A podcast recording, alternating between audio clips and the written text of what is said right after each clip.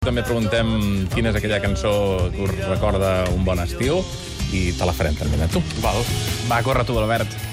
No, és que el problema és que el cançó d'estiu un té una edat i sempre sempre li ve el cap al Jordi Tant. No.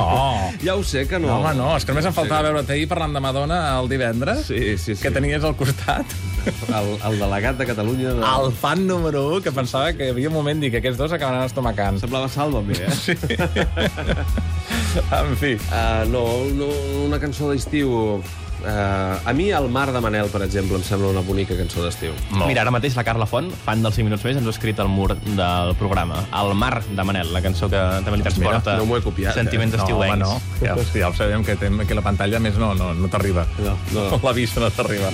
El que sí que t'arriba és la vista i tot el que saps de Patti Smith, eh? Uh, mira, fins i tot, si entreu al Facebook del Delicatessen, veureu que tenim Josep Martín i jo, d'aquesta casa, una Sí. foto amb la Patti Smith. Eh? La vam fer un dia, sí, sí, en el, en el Senglar Rock, que és un lloc que la Patti Smith també hi va passar.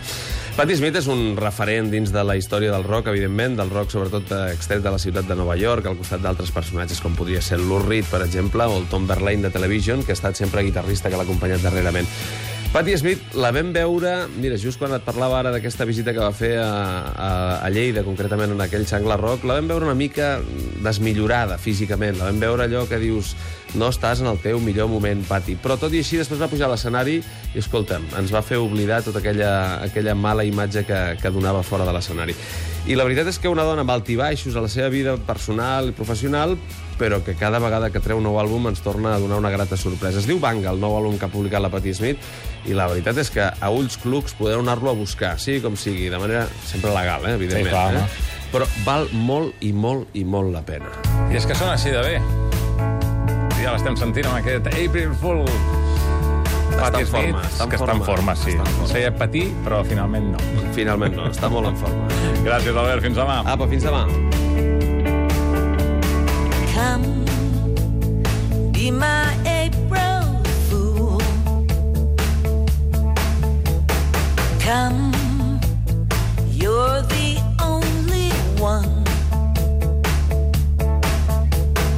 Come on your